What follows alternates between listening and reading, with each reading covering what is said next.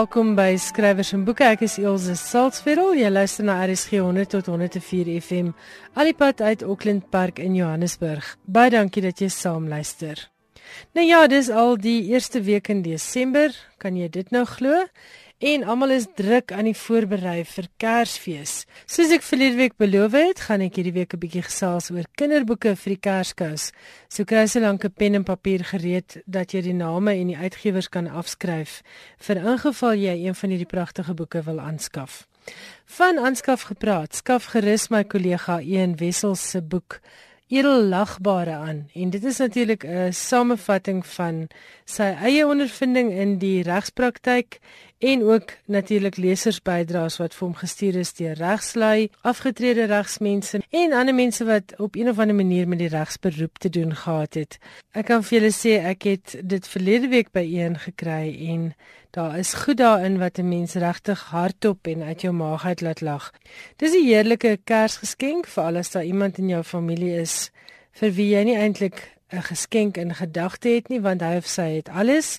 Hierdie is die ideale geskenk want dit is die soort humor wat algemene byval sal vind en dit is lekker ingedeel dat jy net so 'n bladsy of twee elke aand hoef te lees. Dit is dan nou edellagbare deur een wessels en hy het my ook gevra om te sê die tweede druk is op pad na die boekwinkels toe en behoort so van die naweek af beskikbaar te wees. Die boek se volle titel is natuurlik Genade edel lagbare humor en die hof. Dit kos R200 en word uitgegee deur Lapa Uitgewers. Jy luister na skrywers en boeke, jou belangrikste bron oor Afrikaanse boeke.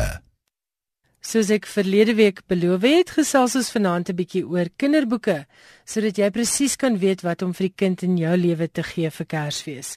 Ons koop sommer af met my eerste ensiklopedie. Dit is Lapa se vertaling van die First Children's Encyclopedia wat verlede jaar in Brittanje verskyn het. Dis die ideale eerste naslaanboek vir jong slimkoppe wat gretig is om meer te weet van die wêreld rondom hulle. Hierdie fantastiese omvattende ensiklopedie moedig kinders aan om die wêreld te verken en selfstandig te leer. Dit is ingedeel in interessante onderafdelings. Dit begin by ons wêreld wat 'n kykie is na die lande van die wêreld. Dan mense en die samelewing waarin gekyk word na dinge soos geloof, kultuur, musiek, teater en dans, klere en mode, sport en ontspanning. Dan volg geskiedenis, die geskiedenis van die mensdom antieke Egipte sien ek is op die lysie en dan iets byvoorbeeld soos die Inkas en ridders en kastele en hulle volg die geskiedenis tot by die 20ste eeu. Dan is daar 'n afdeling oor jou liggaam. Nou kom ons neem die voorbeeld van DNS. Dis beslis nie 'n maklike ding om vir enigiemand te verduidelik nie, laat staan nog vir 'n jong kind. Maar hier is die verduideliking in my eerste ensiklopedie. Jou gene word in 'n chemiese stof genaamd DNS gestoor. DNS lyk soos 'n gedraaide leer met vier verskillende soorte sporte. Elke soort sport verteenwoordig 'n letter in 'n vierletter alfabet.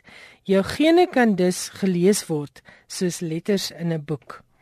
En hulle verduidelik die konsep van die uniekheid van jou DNS, vertel op 'n praktiese manier hoe werk gene, uh watter rol speel sosialisering en vorming en so word die biologie letterlik vir die kind uitgepak in 'n verstaanbare formaat.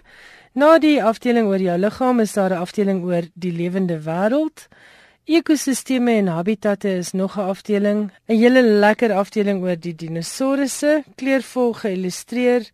Waar hulle kan is pragtige fotos gebruik. Dan is daar 'n afdeling wetenskap en tegnologie wat werk met dinge soos die koolstofkringloop, eienskappe van materie, asemrowende atome, elektrisiteit, lig, klank en nog baie ander.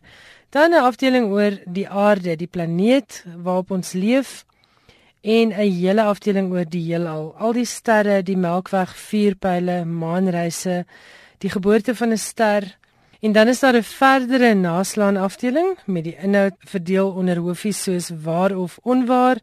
Toets jou kennis, wie of wat is ek, waar in die wêreld en dan 'n volledige woordelys en indeks. My eerste ensiklopedie uitgegee in Afrikaans deur Lapa Uitgewers is 'n lekker dik 316 bladsye, stewig gebind, baie mooi en kleurvol geïllustreer en kos R400. Dis 'n wonderlike boek vir 'n leergierige kind en maklik genoeg dat ek dink 'n kind wat al sterk lees hier in graad 2 rond die boek baie sal geniet. Nog 'n nuwe fiksie kinderboek wat my oog gevang het, is ook uitgegee deur Lapa, ook 'n vertaling van 'n Britse boek. Die boek word genoem Slimkop. En dit is 'n boek waarin allerlei interessante eksperimente vir jong wetenskaplikes saamgevat is. Dit bevat 28 briljante projekte met maklik verstaanbare illustrasies wat alles stap vir stap verduidelik en wat uitgevoer kan word met alledaagse bestanddele wat in en om die huis verkrygbaar is. Daar's verstommende fotos wat jou van begin tot einde leiding gee en ook sommer die eksperimente toelig. En dan word die wetenskap agter die eksperiment ook verduidelik wat dit nou natuurlik baie leersaam maak. Nou is dit nie net 'n speletjie nie, maar die hele wetenskaplike beginsel word ook op 'n verstaanbare manier vir die kind verduidelik. Slimkop is perfek vir jong wetenskaplikes en handwerkentoesiaste en sal die jong span ure lank besig hou. Die ouderdom waarvoor dit geskik is, is dieselfde as my eerste ensiklopedie, so van 7 jaar af en op. Dit is 160 bladsye en die aanbevole prys is R260. Dit is slimkop opwindende eksperimente vir jong wetenskaplikes uitgegee deur Lapa Uitgewers.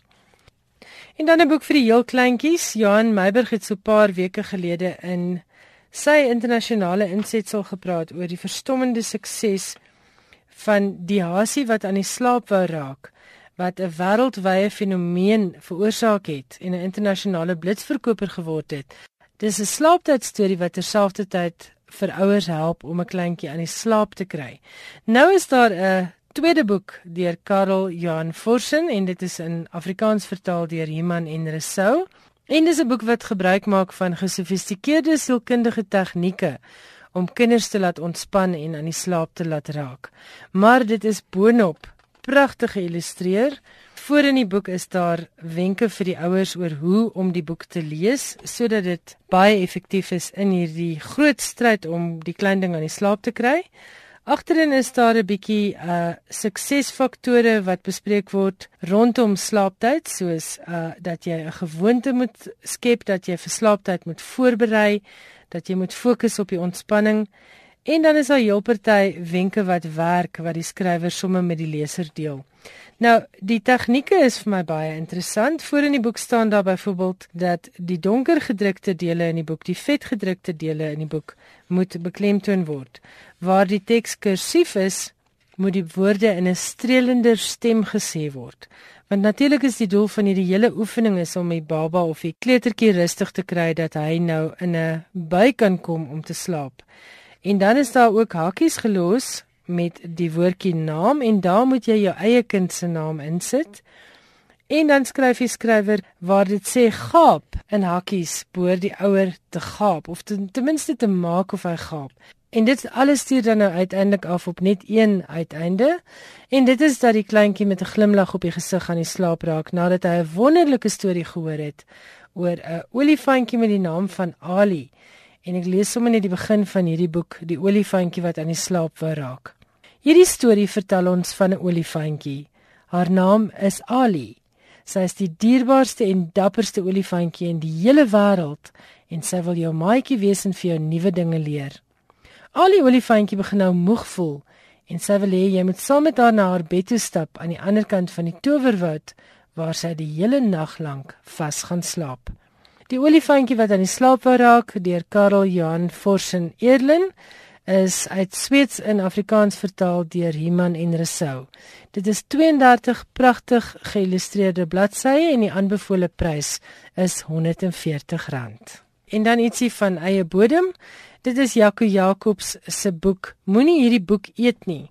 Moenie hierdie boek eet nie bevat 365 rympies en 'n bonusrympie vir 'n skrikkeljaar wat kinders en groot mense heel jaar deur sal laat skaterlag. Daar's rympies oor oupas en oumas, goggas, krieket, ruimtevaarders, seerowers, spooke, kersvader en krokodille om maar 'n paar te noem. En later in finansies skrywers en boeke gaan ek ook gesels met Zenelda McDonald wat hierdie pragtige boek uit die pen van Jaco Jacobs geïllustreer het want die illustrasies in hierdie boek is net so vermaaklik soos die rympies. Ek lees vir julle sommer Jaco se gedig, daar's 'n woord vir elke liewe ding. Woorde in boeke, woorde in jou kop, woorde wat dryf in jou alfabet sop, woorde wat fluister, woorde wat gil, woorde wat jou van vrees laat rol. Woorde wat huppel, woorde wat spring, daar's 'n woord vir elke liewe ding. Dit is dan nou 'n voorbeeld van een van die rympies in Jaco Jacobs se boek 'n rympie vir elke dag van die jaar en die titel is Moenie hierdie boek eet nie en die illustrasies is deur Zenelda McDonald. Die boek word aanbeveel ook vir kinders van die ouderdom van 7 af en op. Dit is nou natuurlik vir selflees, maar ek dink dit kan gebruik word om kleiner kindertjies ook te vermaak en sommer net die wonder van woorde te leer. Dit is 'n hardebladboek, 312 bladsye in totaal en die prys is R280. Laaste op my lysie is Wendy Martin se boek Towertapijt. Nou Wendy is 'n fantastiese verteller en hierdie boek is geïllustreer deur Johan Strauss. Dit is gemik op kindertjies van so 5 jaar en op. In hierdie boek het die meesterstorieverteller Wendy Martins 33 klassieke stories bymekaar gemaak wat al eeue lank in verskillende lande vertel word. Daar stories uit elke uithoek van die wêreld, van Duitsland tot Denemarke, Italië tot Israel en Egipte tot Groenland. En die boek is geskik vir voorlees en is perfek vir selflees. Daar's wonderlike stories op hierdie lys. My oog val nou sommer op die storie uit Sudan. Die titel is Die lelike meisie. Die storie uit Egipte is Die dosyn eiers en die storie uit Estonië is die meer wat weggevlieg het. Dan is daar ook 'n volksverhaal uit Polinesië met die pragtige titel van Die dag toe die son sy voete begin sleep het. Dis dan Towertapijt, 32 stories van rondom die wêreld, saamgestel en in wonderlike idiomatiese Afrikaans oorgeskryf deur Wendy Martins en geïllustreer deur Johan Strauss. Soos ek sê, dit is lekker vir voorlees en selflees geskik vir kinders van so 5 jaar en ouer.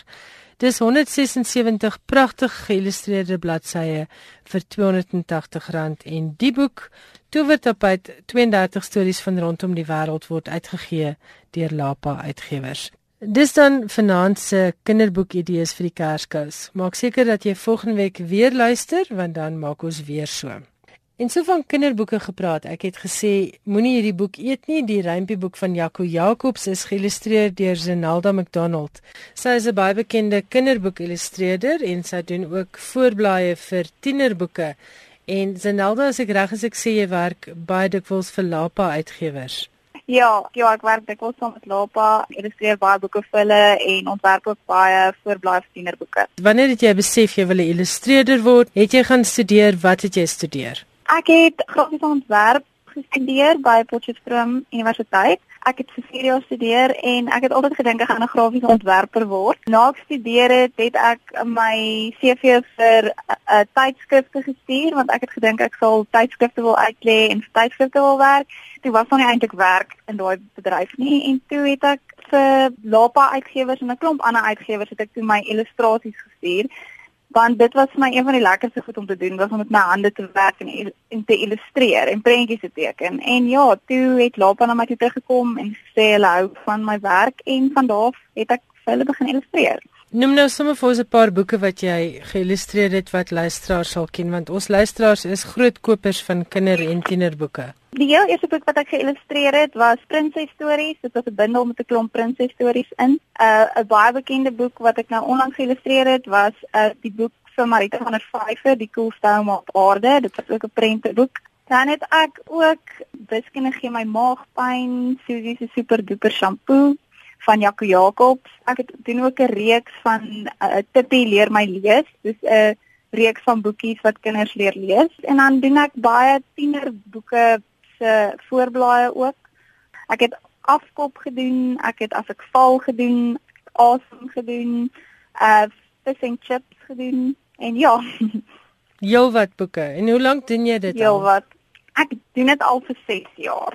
Dit is nie enigiets wat 'n boek, kinderboek of 'n jeugboek of 'n tydskrif illustreerder kan word nie. Dit is 'n groot kuns. Wat is die geheim sou jy sê? Dink jy dis hoegenaamd moontlik om dit te doen sonder grafiese opleiding of is dit definitief iets waar jou studies baie handig te pas kom? Ek sal sê jy jy kan dit doen ehm um, as as jy nie gaan studeer het nie, maar dit vat baie baie tyd en aandag en ek dink as jy nie 'n liefde daarvoor het om dit heeltyd te doen en heeltyd te oefen en heeltyd te illustreer nie, gaan jy op die ou ende nie eintlik goed wees daarin nie. Dit moet regtig 'n liefde en 'n passie wees vir jou en ek moet sê my studies het het is is handig. Dit ek het baie daar geleer en dit ek dink dit maak dit dinge makliker vir as as jy vir uitgewers en so werk. Hoe werk die proses? Stuur iemand nou byvoorbeeld vir jou 'n tienerboek se manuskrip en jy lees hom eers deur en kry vir jou jou eie prentjie in die kop van die hoofkarakters en wat jy dink die voorblad moet wees of stuur 'n skrywer vir jou voorskrifte en sê ek wil dit en dat graag hê of is dit die uitgewer wat uiteindelik vir jou sê ek soek X Y en Z op die voorblad Ja, gewoonlik is dit werk ek meer saam met Mimi Du Plessis, die kinderboek en uh, jeugboek uitgewer van Lapa. Sy sê gewoonlik vir my so, baie keer sê ek my manuskrip, dan lees ek die manuskrip en ek doen dit baie keer sê dit my se wil dit ek moet dit so en so en so doen, so sy gee vir my riglyne wat volgens ek moet illustreer en dan doen ek rowwe portret sketse gewoonlik. Ek stuur dit vir haar terug. Sy sê verander bietjie hier, verander bietjie daar en dan tot ons altyd op die einde tevrede is en dan gaan ons verder. Waarna kyk 'n uitgewer soos Mimi? Mimi is 'n fantastiese kinderboekuitgewer. Ek hou my hoed regtig af vir wat sy doen vir Afrikaanse kinder en tienerletterkunde. Maar waarna kyk sy byvoorbeeld? Wat voel sy is dit wat 'n kind of 'n jong mens se aandag gaan trek? Is dit 'n wetenskap dit, of is dit 'n gut feeling? Dis uiteindelik wat ek wil weet. Dit is moeilik. Ek dink dit dit is tog 'n wetenskap. Mens mens kyk wat wat se boeke en wat se goed het voorheen goed gedoen en net skoop wat werk en wat nie werk nie. So ek dink met tyd leer 'n mens waarvan kinders hou en waarvan hulle nie hou nie, maar ek dink ook Mimi is net goed in wat sy doen. So ek dink daar is ook 'n bietjie gut feeling daarbey. Kyk jy nou byvoorbeeld rond uh, op internasionale webwerwe na internasionale kinderboek illustrasies om vir jou ekstra idees te gee of om vir jou te wys wat is die tendense wat in die wêreld aangaan? Ja, ek is ek is mal daaroor om na ander illustreerders se werk te gaan kyk. Dit het inspireer mense baie en Ja, dis dis nie en vars. So ja, ek dink dit help baie en dis dis lekker, ja. En wanneer jy nou 'n kinderboek illustreer, lees jy dan nou eers die teks en en laat dit 'n bietjie deur jou kop maal of laat jy jou daardeur die skrywer en die uitgewer lei? Ek lees eers die teks en en ek dink daaroor, maar baie keer sal Mimi vir my sê kom ons gee hierdie boek 'n lekker Suid-Afrikaanse gevoel met baie Suid-Afrikaanse kenmerke en sulke goeters of ek sal teken dan sal sy hier en daar bietjie verander of sê kom ons doen dit kom ons doen hierso iets. So ja ek ek werk meer met die uitgewer saam as gewoonlik met die skrywer want ek dink die uitgewer het op die einde net die beste gevoel vir wat gaan werk en wat nie gaan werk nie. En hulle is sekerlik meer objektief want ek neem aan as 'n skrywer staan 'n mens soms te na aan jou eie werk. Ja, dis baie waar. En selfs soos ek die illustreerder ook, dit is dit is maar moeilik. So ja, mense het daar iemand nodig om vir te sê wat gaan werk en nie werk nie. Met watter medium werk jy die graagste? Ek is mal daaroor om met waterverf te werk en swart pen, dit is my gunsteling.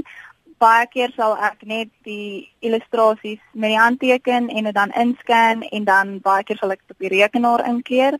Maar ja, my gunsteling is waterverf. Goed, nou vertel ons gou-gou van die rekenaarproses. Ehm um, kan 'n rekenaar, is dit vir jou groot hulpmiddel of gebeur die meeste dinge maar nog steeds per hand en in jou kop? Ja, ek sal sê die meeste dinge gebeur met die hand, maar ek sou nie sê dit sou moontlik gewees het sonder rekenaar nie. 'n Mens doen baie goed die die prosesse wat na die tyd volg nadat jy dit geteken het dit help baie om dit daarna op die rekenaar te sit, bietjie kleure te verander, kleure helderder te maak, hier en daar goedjies te verander wat dalk as as mens foutjies gemaak het op die illustrasies kan mens dit dan baie maklik regmaak op die rekenaar. Goed, Senelda, hoe lank werk jy aan 'n boek se voorblad gemiddeld? Ek weet dit is nou soos om te vra hoe lank is 'n stuk tou, maar as jy nou byvoorbeeld 'n gemiddelde eh, tienerboek kry, Hoe lank omdraaityd is daar voordat jy nou weer vir die uitgewer iets moet teruggee wat voorblad betref? Partykeer vat dit 3 dae, ander kere vat dit 2 weke. Baie keer in tienerboeke dan gebruik ons 'n foto uh, met teks of illustrasies wel baie baie keer is dit tog al 'n proses om die regte foto te kry. So dit kan 30 weke neem, ander kere is dit kan dit 3 dae vat om 'n voorblad te ontwerp. As ek reg onthou by Lapa in elk geval daar is 'n paar mense wat na die voorblad kyk insluitende die skrywer en wat sê hierdie werk of hierdie werk nie en dan moet jy dalk teruggaan na die in hierdie geval die letterlike tekenbord. Ja, dit is so dit dit dit kan 'n proses wees. En ja, partykeer is almal die eerste keer gelukkig, ander kere vat dit regtig lank om om tot by die finale produk te kom. Wat dink jy is dit wat kinders uh fascineer van prenteboeke? Is dit byvoorbeeld die die kleur wat ehm um, die kind se aandag trek of is dit die fyn detail in 'n kinderboekprentjie of is dit 'n kombinasie van dinge? Ek sal sê dis dis 'n kombinasie. Ek dink helder kleur speel 'n baie belangrike rol. Mimi het ook al gesê hulle het al agtergekom dat boeke met baie wit in verkoop nie so maklik soos kinder soos boeke wat baie helder kleure in het. So dit speel 'n belangrike rol en ek dink die detail ook. Ek dink dit is dit is altyd lekker om om na 'n prentjie te kyk en as jy vir die tweede of derde keer daarna kyk weer iets nuuts te ontdek en te sien. So ja, ek dink dit speel 'n groot rol. En sê vir my, doen jy enige of het jy enige volwasse boeke se voorblaaie gedoen vir Lapa? Ek het ek het uh, nou 'n voorblad vir Hemelbesem gedoen. Ek dink nog nie hy's uit nie, maar hy gaan nou binnekort uitkom en dan het ek ook Bloed op haar hande. Ek het sy voorblad ook gedoen, ja. Is dit vir jou moeiliker om jou kop uh in die regte rad te kry vir so 'n voorblad as wat dit vir jou is om kinderboeke te doen? Um ek ek sal sê omdat ek meer gewoond is aan kinderboeke, ja, is dit bietjie maar tog is dit ook 'n lekker uitdaging om bietjie om bietjie iets anders te doen. Dit is vir my lekker. Ja. Goed. So Nelda McDonald, jy is 'n illustreerder by Lapa Uitgewers. Jy doen baie kinderboeke. Baie dankie dat jy vanaand met ons gesels het oor jou werk en baie voorspoed. Ek hoop die prente vloei eenvoudig uit jou vingers uit. Baie dankie, Ilse. Ek gesels nou met Johan Meiburg, maar in 'n ander hoedanigheid as jou gewone internasionale boekinsetsel. Mm -hmm. Ek wil weet wat het jy hierdie jaar gelees? Wel, ek het vir jou 'n lys gemaak van 5 Afrikaanse boeke, 5 boeke waarna ek regtig lekker gelees het. Ek het vir jou in die eerste plek uh, wel in in geen uh, spesifieke volgorde nie, Tom Dreyer se Dorado uitgegee deur Penguin. Tom Dreyer is die skrywer van Ertvarkfontein, Stink Afrikaners, Equatoria en hy het ook 'n nuwe stemme een gedebuteer as digter. Hy het kortverhale geskryf en hy's bekroon met die Eugène Maree Prys vir Stink Afrikaners. Dorado, verwysend na die vis sowel as die pot goud aan die einde van die reënboog, is 'n magiese roman waarin Gilbert na die dood van sy pa deur vreemde boodskappe oorval word onder meer deur visioene van skole visse en kontourlyne van lig. Die visioene noop hom om 'n reis te onderneem, weg van sy klein dorp se bestaan in Kirkwood, deur die Karoo tot in Kuilsrivier. Wat opval van Dorado is die filmiese kwaliteit. Op die voorblad beskryf Willem Anker die roman as iewers tussen die werk van David Lynch en Wim Wenders wat nie uit die kol is nie. Dis gewis 'n aangrypend verrassende boek. En Johan lees dit maklik. Jy het nog sê jy doen uh lekker leesboeke. Wat is soort leser dink of luisteraar gaan aanklank vind? Wel, die boek het my gestimuleer, die boek het my um, gefassineer, dit het my geboei. Mens kry daai kliseë van jy kan 'n boek nie neersit nie. En dit was een en van hulle. En hierdie was my een van ja. hulle gewees. Ja, so Zetko se Meiburg uh, neem vir ons 'n gesprek op met Tom binnekort. So ons gaan in Januarie vir die luisteraars 'n lekker gesprek met Tom Goed. Dreyer gee oor Dorado. Na 'n stilte van byna 20 jaar nadat Reikhating se witskrif in 1997 verskyn het, het Huilboek vanjaar verskyn. Hatting het kort na die verskyning van witskrif om met sy gesin in Nieu-Seeland gaan vestig. Huilboek is 'n autobiografiese novelle wat handel oor die verhuising, die opdiep van sy grootword herinneringe in Benoni en die aanleidende en uiteenlopende redes vir emigrasie. Hatting is bekend vir sy alternatiewe averegse benadering tot dinge, soos hy homself in Huilboek tipeer, en vir sy vreemde fiksies. In die opsig is Huilboek 'n tipiese Hattingboek, maar boonop is dit vars. Dit gaan nie mank aan melankolie nie en dit bied Lesbes 'n waardevolle blik van buite op ons situasie binne Suid-Afrika. Dit lê voor my bed. Dis een van my boeke wat ek hierdie vakansie wil lees wanneer ek sommer net lees vir die lekkerte. Dis 'n wonderlike boek. Ek hoor dit by baie mense, so dis nou vir my lekker dat jy daaroor gepraat het. Tuisland is 'n woord met heelwat bagasie, maar in Karen Breinhardt se spanningsroman Tuisland word die konsep uitgebrei buite die voorhande betekenis. Die verhaal speel af in die omgewing van Askam, noord van Appington, en rakel die leefwêreld van die boesmans soos Breinhard kies om na die sand te verwys op. Daar is 'n moord, 'n onwillige ondersoekbeampte, 'n kollega wat oënskynlik 'n paar goed het om weg te steek, en 'n polisiehoof wat sake so gou moontlik en suksesvol afgehandel wil hê. Wat my opgeval het en bybly is die manier waarop Boesman mitologie organies deel word van die verhaal en die boek. Breinhard se vorige boeke is Plaasmoord en Onse Vaders. Vir Plaasmoord het sy die UJ debuutprys vir kreatiewe skryfwerk ontvang. Ja, en ek dink vir Plaasmoord en vir Onse Vaders het sy die Mnet, Mnet. pryse gekry. En Tuisland vermoed ek gaan op 'n pryslysie wees vir volgende jaar. Dit was ook een van my gunsteling boeke van die jaar. Inderdaad. En iets wat vir my opgeval het van van uh Tuisland is ook die hele debat rondom die First Nations. Die dit kom so mooi aan die orde. Dit is 'n wonderlike, inspirerende, baie informatiewe roman hmm. het ek gedink want ek het ongelooflik baie geleer oor nee, die inderdaad. san oor die san geskiedenis. Ja, die san lewensuitkyk en hulle mitologie en hulle tradisies. Maar hoogs vermaaklik, dit is iets wat ek vir almal kan aanbeveel wat sommer net wil lees. Dis veral Johan Creer se twee geskiedkundige romans, Die Vloek en Die Dag van die Lords wat die aandag op hom gefestig het as skrywer. Met die formidable Ling Ho kom hy vorendag met 'n knap satire waarin 'n mens jou gewoon verkneukel.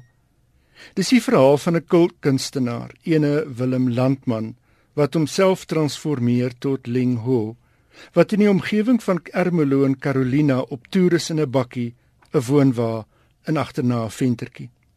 Saam met hom reis Dora, eintlik Pandora, sy assistent en eintlik ook heelwat meer as assistent. In dieselfde omgewing reis Evie en die busbestuurder Noah in 'n bibliobus om kennis en leesplesier na landelike gebiede te neem. In die woonwa het Willem 'n kat met die naam Quanti. In die bibliobus het Evie 'n geliefde witrot genaamd George. Daar is sprake van kat en muis speletjies in die boek, maar dis alles in die konteks van kwantumfisika. Dis een van die heerlikste boeke wat ek die jaar gelees het. Een van daardie wat jou by tye onverwags hardop laat lag. En dit lê ook voor my bed vir die vakansie uh hoopie. Ek weet nie van jou nie, maar mens lees mos nou maar deur die deur die jaar verwerk en jy lees hoofsaaklik die ernstige goed en jy los die die goed wat meer ontspanne is maar vir die Desember die paar dae rondom Kersfees. Dis 'n wonderlike boek om om om te lees wanneer ook al. So ek gaan hom lees en dan gaan ons dalk 'n bietjie met Johan Kreer gesels volgende Inderdaad. jaar hier in skrywers en boeke. En dan is ek nog besig. Ek is nie klaar daarmee nie met Dion Meyer se koers. 'n Post-apokaliptiese spanningsroman wat as die memoirs van ene Nico Storm aangebied word. Tussendeur word getranskribeerde opnames van verskeie karakters gegee wat Nico Storm se memoirs vernuftig aanvul en die spanning waarvan daar in die boek oorgenoeg is opjaag. Benewens die meesleurende verhaaltrand en gegewe is dit Meyer se vye verwysingsveld wat 'n mens opval.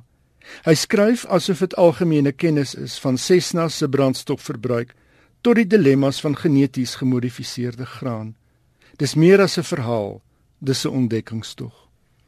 En ek is baie nuuskierig hoe die boek ontvang is deur sy lesers en dit gaan 'n mens net sien in die uh verkope uiteindelik. Ja, ja, en dit is ja. heeltemal anders as die ons gewone werk.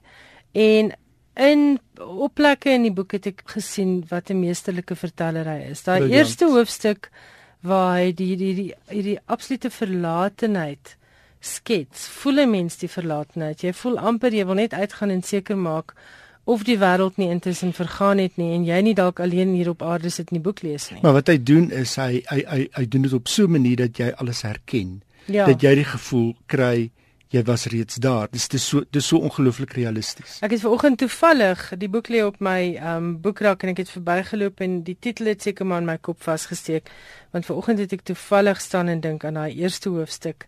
Dit is absoluut absoluut verlate. Dis is 'n Hollywood fliek geskryf. Inderdaad. Jan baie dankie. Lekker lees. Wat het jy op jou leeslysie vir die vakansie? Ontspanning of digbundels of werk ja, of daar lê 'n paar digbundels voor wat ek graag wil deurwerk. Ek wil ook nog kyk na Dan Slay se nuwe boek. Ja, ja, maar daarvoor het 'n mens um, 'n. 'n ononderbroke leestyd nodig. Geniet dit baie. Dankie nou. Skrywers en boeke. Alles wat jy oor die boekewêreld wil weet en meer. Briewe uit die Tankwa, 'n pragtige koffietafelboek saamgestel deur die fotograaf Adrian Oosthuizen en met skryfwerk deur Letty Klein en David Slinger, 'n boerling van die Karoo, is pas weer heruitgegee. Ons het in 2013 tydens die eerste RSG Kunstefees met David Slinger, 'n boerling van die Karoo en hy's 'n voorman op 'n plaas daar in die Tankwa en Letty Klein Sy is natuurlik 'n bekende skrywer en akademikus van Pretoria. Ons het met hulle gesels oor die wonderlike wonderlike boek oor die Karoo. Die boek het goed verkoop, hy word nou herdruk en heruitgegee en dit is die absolute ideale geskenk vir mense wat lief is vir die Karoo. Ek lees sommer vir julle wat die uh, persvrystelling sê. Met kaarte en geografiese grense sal mense wel kan bepaal waar lê die Tankwa Karoo. Maar vir Adrian Oosthuizen kry jy die streek wanneer jy die langste grondpad tussen twee dorpe in Suid-Afrika aanpak. Die pad tussen Ceres en Kalvinia. Saam met Adrian se fotos vertel Letty Klein van haar besoek aan hierdie geliefde stuk land en dit word aangevul deur David Slinger se lekker vertellings en skrywes. 'n Fees vir die oog, 'n lekker leesboek en 'n inligtinggids in een oor die geliefde streek wat die Tankwa Karoo heet. Nou Adrian Oosthuizen is regtig 'n bekende fotograaf van Kaapstad. Hy neem mode, kos, dekor, natuur en kunsfoto's. Sy foto's verskyn in boeke soos Suzelle DIY die boek en Dion Meyer se Ridders van die Grondpad. Letty Klein is 'n navorser aan die Universiteit van Pretoria en 'n kennisnetwerkbestuurder en skrywer. David Slinger, soos ek sê, is 'n boerling van die Tankwa Karoo en tans plaasvoorman in die Bokkeveld. Gaan luister sommer weer na ons lekker gesprek met David Slinger en Letty Klein. Dit is onder die potgoeie op ons webwerf by www.rsg.co.za en dit is uitgesaai op die 27ste November 2013 as deel van die RSG Kunstefees. So gaan luister daar wat het Letty en David alles te sê oor die Tankwa Karoo en skaf gerus hierdie boek aan vir iemand wat 'n waardering het vir ons land en wat 'n mooi koffietafelboek met pragtige fotos en mooi stories en staaltjies sal waardeer. Briewe uit die Tankwa word uitgegee deur Protea Boekhuis. Dit kos R400 vir 184 pragtige bladsye. Ons gesels vanaand en die volgende 2 weke of so oor goeie idees vir Kersgeskenke as dit by boeke kom. Maar ek wil ook by jou die luisteraar weet, wat het jy geniet om te lees hierdie jaar wat verby is? Stuur gerus 'n SMS na 34024 met die titel van jou gunsteling Afrikaanse boek wat jy hierdie jaar vir die eerste keer gelees het of stuur vir my e-pos na skrywers en boeke by RSG www.rsg.co.za. Ons fokus op Afrikaanse boeke, maar dit kan wees vir kinders, tieners of natuurlik vir volwassenes en fiksie en nie fiksie is ewe welkom. As daar mammas is wat wonderlike boeke ontdek het vir hulle kinders, SMS gerus daardie name ook na ons toe want hier met skrywers en boeke probeer ek altyd om 'n leeskultuur onder ons kinders ook te bevorder. En die enigste manier wat 'n kind gaan lees is as ons as ouers vir hulle lees. Daarvan gepraat, as 'n mens wil hê jou kinders moet lees, moet jy eintlik so gou moontlik na geboorte reeds begin. Kenners reken dis 'n goeie idee om selfs vir pap babas solank stories voor te lees. Hulle raak gewoond aan jou stem. Hulle kan natuurlik nog nie al die woorde verstaan nie en hulle kan nie vir jou aandui of hulle verstaan nie, maar dit leer hulle 'n liefde vir taal. Dit leer hulle om te luister na ma of pa se rustige stem en uiteindelik kan 'n mens op hierdie manier boeke deel maak van jou kind se groot word. Protea Boekhuis se Nicole Stassen het al 'n paar keer vir ons verduidelik dat hy graag die boeke waarvan hy die meeste hou uit allerlei internasionale tale na Afrikaans vertaal sodat Afrikaanse kinders ook in hierdie vreugde kan deel. Nou is daar 'n nuwe reeks boeke wat pas by Protea Boekhuis verskyn het. Stories uit die Eikewoud is vertaal uit die Engelse topverkoper kinderboeke vir kinders tussen 4 en 8 jaar oud getiteld Tales from Acorn Wood. Dit is uiters vermaaklike leesstof vir oud en jonk en dit is al 15 jaar onder die beste kinderboekverkopers ter wêreld. Die skrywer is Julia Donaldson. Ons het haar natuurlik leer ken as die skrywer van wat vertaal is as die Goorgom Gaai. Dit was Philip de Vos wat daardie pragtige vertaling van Goorgom Gaai gedoen het uit Julia se oorspronklike titel van The Gruffalo. En Philip de Vos, natuurlik 'n ou gunsteling hier by ons by skrywers en boeke, het weer hierdie reeks boeke van Julia Donaldson en die illustreerder Axel Scheffler vir Protea Boekhuis vertaal. Julia is natuurlik 'n bekroonde kinderboekskrywer. Sy is in 2012 benoem as die Verenigde Koninkryk se Children's Laureate en is die outeur van verskeie blitsverkopers vir jong lesers. Axel Scheffler se bekroonde titels sluit in Room on the Broom en The Snail and the Whale. En sy illustrasies is in meer as 30 lande gepubliseer. Ander titels uit die pen van Donaldson wat ook geïllustreer is deur Axel Scheffler en wat reeds deur Protea Boekhuis vertaal is in Afrikaans sluit in Superwurm, Rower Rot, Christe Kat, Chokkie, Zok en Stokman. En dan natuurlik die Goorgom Gaai waarvan ek gepraat het. Hierdie vier boeke is spesifiek gerig op kinders tussen die ouderdomme van 4 en 8. Daar's vier stories uit die Eikewoud. Die eerste een is Hasie soek slaapplek. Dis baie eenvoudige konsep hierdie. Dit is boeke met flappies wat die kinders dan moet oplig om te kyk wie kruip waar weg en so volg hulle hierdie karaktertjie op sy tog deur die Eikewoud. Hasie soek slaapplek het 'n baie eenvoudige tema. Diep in die Eikewoud kan Hasie glad nie slaap nie. Nou wat maak hy nou? Dit is wat jy moet gaan uitvind in Hasie soek slaapplek. Dan is daar ook 'n boek getiteld Posman Beer en dit handel oor Posman Beer wat diep in die Eikewoud besig is om briewe te skryf vir al sy vriende. En weer eens agter die flappies skuil die uiteindelike lekkerte van hierdie storie.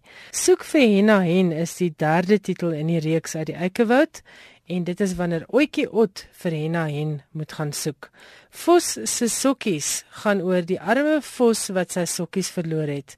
Is hulle onder die mat of binne in die staanklok? Waar het hy hulle verloor? En die geheim vir al hierdie raaisels lê natuurlik dan agter die oplig flappies. Stories uit die Eikewoud, die heerlike guitige vertalings in Afrikaans soos net Philip de Vos dit kan doen, het pas by Protea Boekhuis verskyn. Dit kos R130 per boek en is prenteboeke geskik vir kinders tussen 4 en 8 jaar oud. Gaan kyk gerus op die webwerf van Protea Boekhuis. Dit is by www.proteaboekhuis.co.za na hierdie vier boeke en ook na al die ander kinder- en tienerboeke wat Nicole uitgee spesiaal om Afrikaanse kinders aan die lees te kry. Daar's ook ou gunstelinge soos die Eile, Jasper, Ek dink Sarkie Bouman is daar en daar is heel party van die boeke wat ons as kinders baie geniet het wat Nicole so 'n nuwe baadjie aangetrek het vir vandag se kinders. www.proteaboekhuis.co.za Nou is dit Jan se beurt met sy gewone internasionale boeke insetsel. Wat het alles hierdie week in die internasionale letterkunde gebeur, Jan? Wel, ek het vir jou iets oor Pauline Vyverberg oor Fidel Castro se dood en dan ook iets oor Short Story Day Africa. Goed, dit klink lekker. Pauline Vyverberg, die Nederlandse skrywer wat in Suid-Afrika woon, se tweede boek, Het Suikervogeltjie, het pas verskyn en word amptelik in Februarie in die Suid-Afrika Huis in Amsterdam bekend gestel. In die boek geplaas in die 17de eeu se Kaapse omgewing, beskryf sy die aankoms van Nederlandse weesmeisies wat as bruide deur die VOC na die Kaap gebring word. Volgens Vyverberg wil sy met die boeke ander perspektief bied op Nederlanders wat destyds na die Kaap gekom het, anders as die negatiewe assosiasie wat gebruiklik aan hulle gekoppel word, die van oorheersing en rasisme. Ek wou ook die heroïese figure, die wat bereid was om risiko's te loop, om kreatief te wees en wat talle uitdagings aangedurf het, verbeeld, skryf sy. Die verhaal is die van 'n weesmeisie uit Rotterdam wat in die Kaap aankom. Die 52-jarige Vyverberg is in Tokio gebore en woon met haar man en vier kinders net noord van Johannesburg. Sy en haar man het in 1990 in 'n ou Peugeot 'n reis van Den Haag deur die Sahara na Niger onderneem. Op die tog is die saadjie geplant vir Vyverberg se eerste roman, Alexine, wat in 2010 verskyn het. Die boek is 'n portret van die 19de eeuse avonturier Alexine Tine wat gelewe het van 1835 tot 1869 wat die Sahara oorgesteek het met kamele, 'n ekspedisie kompleet met haar hond, 'n eysterkatel, kiste met breekgoed en boeke. Ja, en dit klink vir my na 'n verskriklike interessante boek en skrywer. Inderdaad so. Sy en haar man het saam hierdie reis deur Afrika onderneem. Wel, die eerste die eerste boek is gegrond op hierdie of of dit het die dit het die, die vonk saadjie gegee. geplant Ja, ja. en maar hulle is met ander woorde sy is 'n vreeslike avontuurlike vrou. Inderdaad so. Ja. En weet jy oor die Nederlandse meisies, ek het nie geweet daar is bruide, weesbruide hiernatoe gebring nie. Het suikervogeltjie. Ja. Dis fantasties en ek ek weet 'n mens, ek het geskiedenis as skoolvak gehad, maar ek kan nie onthou dat ek dit ooit raak gehoor het eers nie. Oor Fidel Castro, die Kubaanse leier wat onlangs in die ouderdom van 90 dood is, is die beskouings besonder uiteenlopend. Hy word deur talle getakseer as bevrydingsheld en eweso deur talle as wrede diktator. Nietemin was Castro 'n toegewyde leser en het hy goeie vriendskappe met verskeie skrywers gehad. Ons vriendskap is van intellektuele aard, het Gabriel Garcia Marquez, die Kolumbiaanse No- Nobelpryswenner wat in 2014 dood is, eens gesê. En Castro het Garcia Marquez die magtigste man in Latyns-Amerika genoem. Die twee het in 1959 ontmoet, maar het eers regtig vriende geword na die verskyning van 100 Years of Solitude sowat 10 jaar later. Castro was dol oor die boek. Van toe af het Castro die geleentheid gekry om Garcia Marquez se manuskripte te lees nog voor dit gepubliseer word. Maar dit was 'n vriendskap waarvoor Garcia Marquez 'n prys betaal het. Die vriendskap is in baie kringe gesien as die enigste klad op die onbesproke rekord wat Garcia Marquez gehad het. Van Castro en Ernest Hemingway bestaan daar 'n hele spul fotos wat dit laat blyk asof die twee dik vriende was. Maar die fotos is almal tydens 'n enkele visvang-ekspedisie geneem en in werklikheid het die twee mekaar nie so dikwels gesien nie. Pablo Neruda, die Chileense digter, en vir kort rukkie ook senator in die Chileense Kommunistiese Party, was 'n bewonderaar van Castro en ondersteuner van Cuba in die algemeen. Hy het die land in 1959 besoek, Castro ontmoet en daarna in sy memoirs geskryf.